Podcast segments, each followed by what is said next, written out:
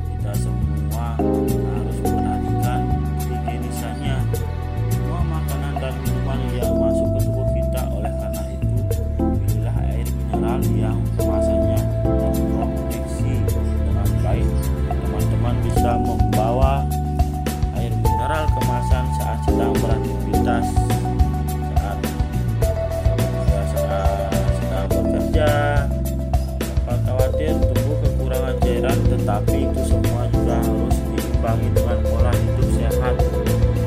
Yang kadang kita bahas saat ini yang keempat hindari stres memang tengah pandemi seperti ini. Ataupun dikarenakan pekerjaan teman-teman yang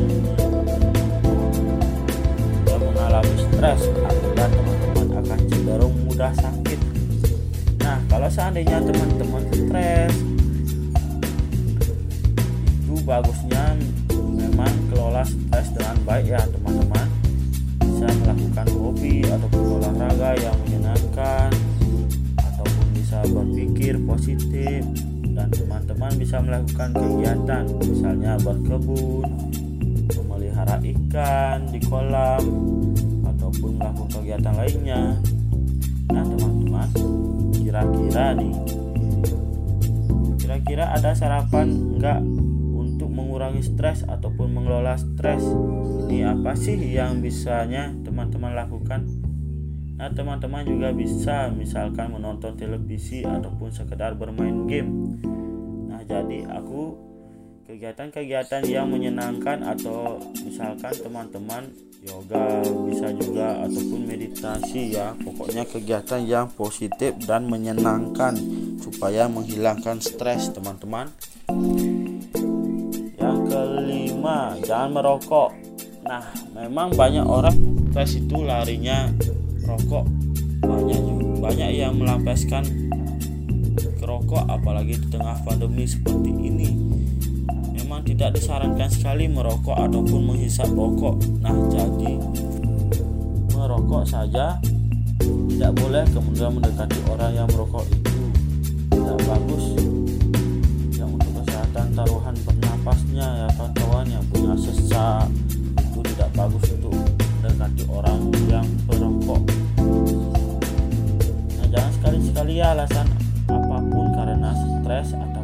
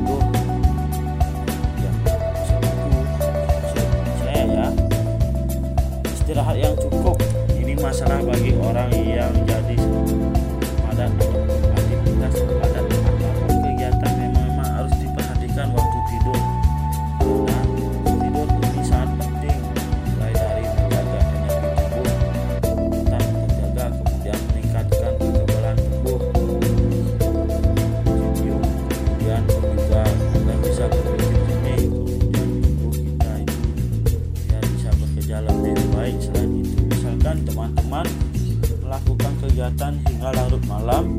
Ya bergadang intinya nah ini bisa mengganggu pola tidur ke depannya Penopol tidur tidur kan terganggu kemudian juga bisa menimbulkan stres. Kemudian tubuh akan memproduksi humor stres. Jadi memang teman-teman diharapkan untuk mencukupi mengatur waktu tidurnya. ya ya minimal sekali ya 6 jam yaitu teman-teman. Oke sekian dari saya untuk membahas untuk membahas 7 tips menjaga kesehatan dan meningkatkan imunitas di masa pandemi ini. Saya Kadek Adi Budayasa saya tutup dengan para mesanti Oh Santi Santi Santi. Oh. lanjut di part 2 oke kawan-kawan 2 Hai kawan-kawan bersama lagi di Kadek Adi Budayasa.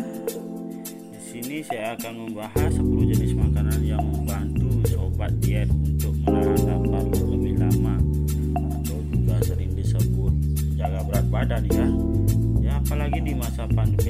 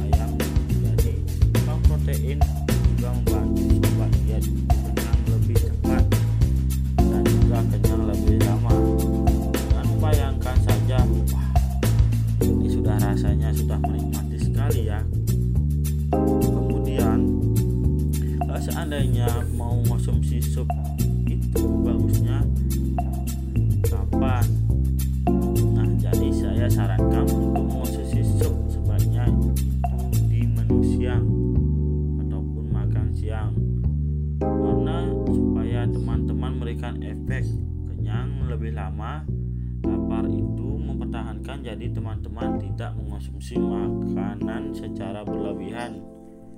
Daripada teman-teman mengonsumsi makanan yang tidak jelas lauk-lauknya itu jelas sebaiknya makan sup di siang hari. Ini lebih saya rekomendasikan makanan kedua itu adalah buah alpukat nah, jadi buah alpukat ini bisa juga membuat teman-teman kenyang nah saya rekomendasikan nih juga menu siang teman-teman. Semua sobat di rumah dengan setengah alpukat. Ingat ya hanya setengah potong alpukat. Nah tetapi perlu diingat cara pengolahannya. Harus juga benar.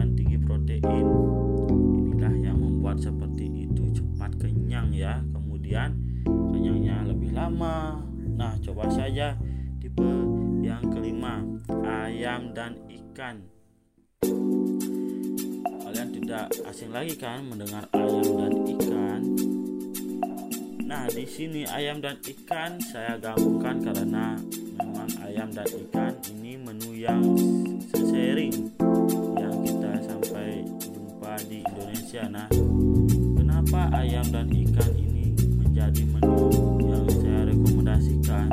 Karena ayam dan ikan ini tidak mengandung protein rendah.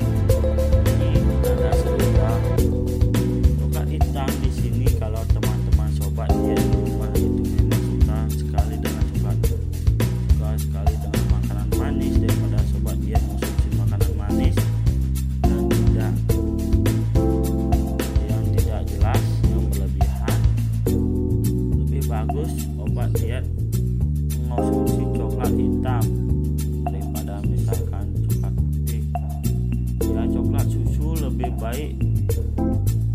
Coklat hitam karena padat dan bergizi. Tetapi perlu diingat jangan mengonsumsi secara berlebihan. Kemudian juga kalau ada yang gangguan lambung sebaiknya ini dihindari. Hanya mengonsumsi kalau memang sobat get tidak bisa menghindari makanan berarti makanan berlebihan. Boleh enggak yang makanan yang ke-8 itu membuat adalah apel? Apel? Memang banyak sekali yang kita ditemukan di Indonesia ya. Di luar negeri namanya juga ada berbagai jenis apel ya. Direkomendasikan untuk menu diet. Nah di sini pilihan buah apel bisa teman-teman masukkan ke dalam menu yang saya rekomendasikan serat yang bagus coba dia cepat kenyang dan tidak ingin makan secara berlebihan. Nah, cara makannya sebaik mengonsumsi 30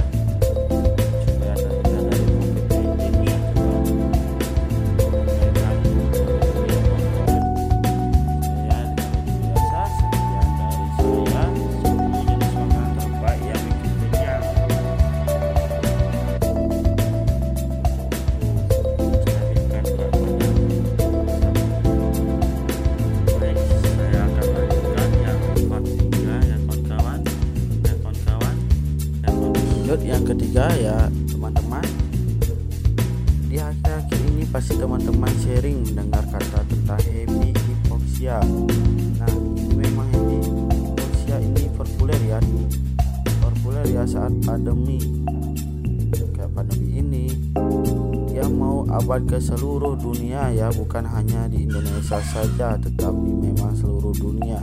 Nah hypoxia ini merupakan salah satu gejala dari COVID ya kekeluhan dari COVID teman-teman ya happy hypoxia ini seperti namanya happy itu kan senang ya. Hypoxia kekurangan oksigen. Bukan berarti senang kekurangan oksigen ya. Bukan karena itu pengertian dari bu bukan dipisah-pisah mesti itu hypoxia ini adalah suatu yang perlu teman-teman waspadai yang terutama pada pasien COVID-19 dikarenakan ini memang berbahaya ya. Bisa berakibat fatal pada video kali ini. Akan membahas tentang hypoxia pada penyakit COVID-19 gejala aneh dan berbahaya teman-teman orang yang mengalami COVID-19 dia bisa menimbulkan gejala demam batuk pilek dan gejala-gejala kemudian kalau yang kasus berat bisa mengalami sesak napas kesulitan bernapas penurunan kesadaran ya karena kekurangan oksigen. Di sisi lain ada pula orang yang mengalami COVID-19 dia merasa sehat-sehat saja merasa sehat-sehat saja ada keluhan yang begitu berarti ya tetapi ternyata teman-teman ya. Kandungan oksigen di dalam darahnya itu kurangnya kurang dari normal. Nah tentu kalau seandainya kandungan oksigen kekurangan dari normal yang kita merupakan kondisi kandungan oksigen yang tidak baik pada penderita gejala-gejala yang berat. Nah, bagaimana cara kita tahu kandungan kadar oksigen di dalam darahnya ya dengan alat bantuan ya kawan-kawan, nah, alat bantuan oximeter ya seperti ini. Sebelumnya sudah pernah saya bahas tentang cara mengukur kadar saturasi oksigen dalam darah. Teman-teman bisa nonton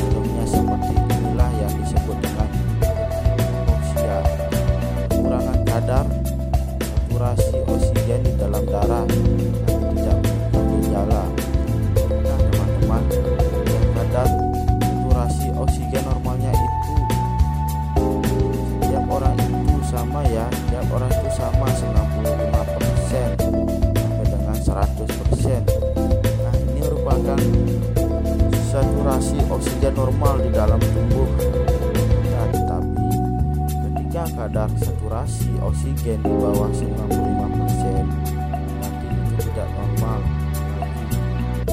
Kalau seandainya kadar saturasi oksigen di bawah 95% itu juga disebut dengan hipoksia. Nah, teman-teman sebenarnya ada banyak hal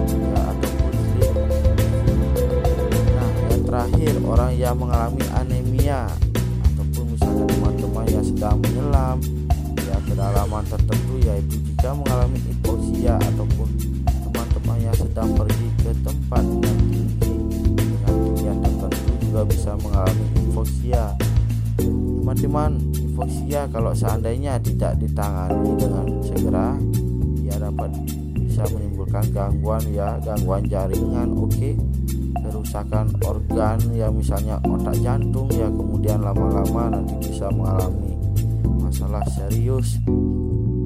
Nah teman-teman hipoksia normal yaitu orang yang mengalami hipoksia yang mengalami keluhan sesak-sesak nafasnya nafasnya jadi sulit ya komposisinya dia sadar saturasi oksigen turun ya kompensasi tubuh di dalam napasnya susah dia bisa bernapas cepat dan tepung dalam seperti itu.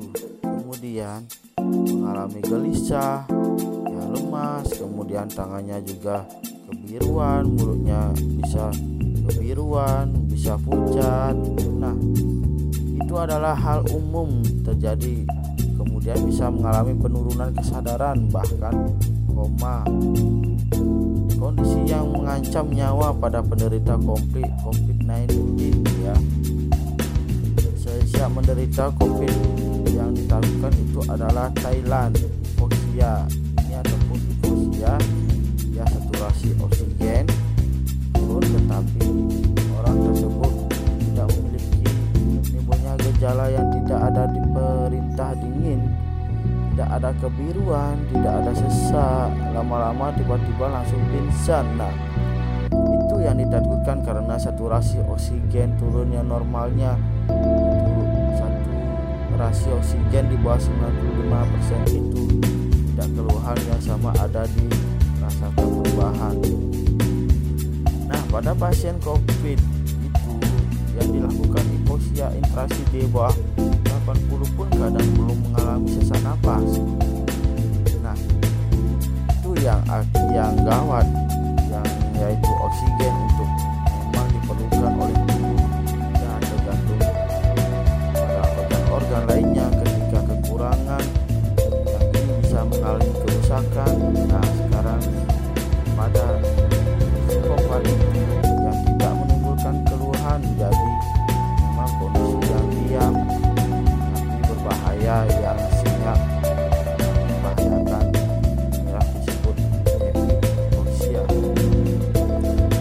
hipoksia ini bisa mengancam nyawa yang bagi penderita COVID-19 jadi sebaliknya kalau teman-teman ditanyakan COVID sebaiknya hati-hati. Walaupun tidak ada gejala tidak ada keluhan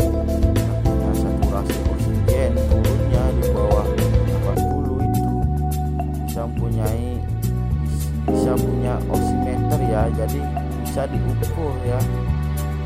Bisa diukur kadar saturasi oksigen kita di dalam tubuh turun ataupun naik. Misalnya saturasi di, di bawah 85 itu harus